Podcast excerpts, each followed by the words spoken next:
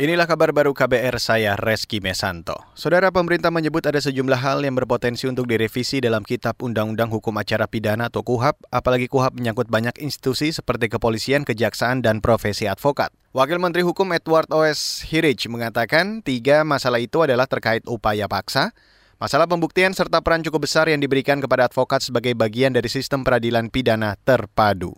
Karena KUHAP ini menyangkut beberapa institusi. Ini tugas menurut saya pribadi yang lebih berat. Itu sebetulnya bukan KUHP tapi KUHAP. Karena KUHAP ini menyangkut beberapa institusi negara, kita tidak bisa memungkiri bahwa akan ada saling rebutan kewenangan. Itu sebabnya mengapa secara politis Bapak Ibu untuk RUU KUHAP itu kita serahkan kepada yang mulia menjadi usul inisiatif Dewan, bukan pemerintah. Wakil Menteri Hukum Edward Hirich menambahkan audit terhadap KUHAP diperlukan terutama terhadap peran polisi dan jaksa dalam sistem peradilan pidana. Edi berharap penelitian terhadap peran polisi dan kejaksaan di penegakan hukum dan konteks audit KUHAP dilakukan secara objektif. Saat ini revisi KUHAP tengah digagas untuk menjadi usul inisiatif DPR. Beralih ke kabar pemilu. Kabar pemilu. Kabar pemilu. Saudara Kementerian Pemberdayaan Perempuan dan Perlindungan Anak mengapresiasi kebijakan Badan Pengawas Pemilu atau Bawaslu yang melibatkan perempuan dalam pengawasan pemilu 2024. Menteri Bidang Perempuan dan Anak Bintang Puspayoga mengatakan, Undang-Undang Pemilu memberikan kesetaraan bagi perempuan berkontribusi di dunia politik, baik sebagai penyelenggara, peserta maupun pemilih.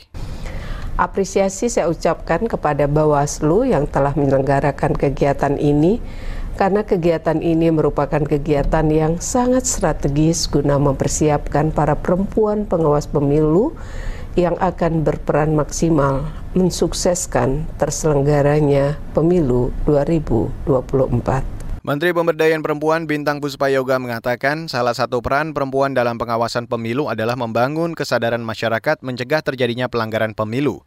Ia menambahkan keterwakilan perempuan juga berpengaruh pada penyusunan kebijakan negara yang berpihak pada perempuan.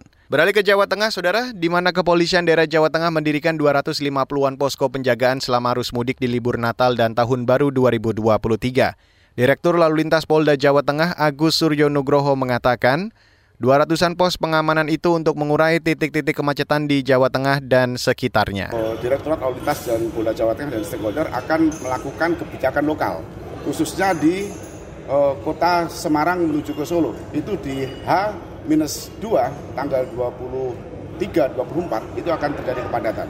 Nanti akan kita persiapkan one way lokal termasuk kontraflow. Demikian juga jalur-jalur yang menuju ke wisata. Kita sudah siap semuanya. Jadi seluruh pos pengamanan itu ada 252. Itu sudah berada di titik-titik yang menjadi objek pengamanan. Direktur Lalu Lintas Polda Jawa Tengah Agus Suryo Nugroho menambahkan, selain pos pengamanan, Polda Jateng juga bakal membuka lima jalur untuk memecah kepadatan kendaraan yang masuk wilayah itu. Polda Jateng memprediksi lebih dari 21 juta kendaraan masuk Jawa Tengah saat libur Natal dan Tahun Baru. Kendaraan itu sebagian besar berasal dari Jawa Barat, Jakarta, hingga Jawa Timur. Dan saudara, demikian kabar baru saya Reski Mesanto.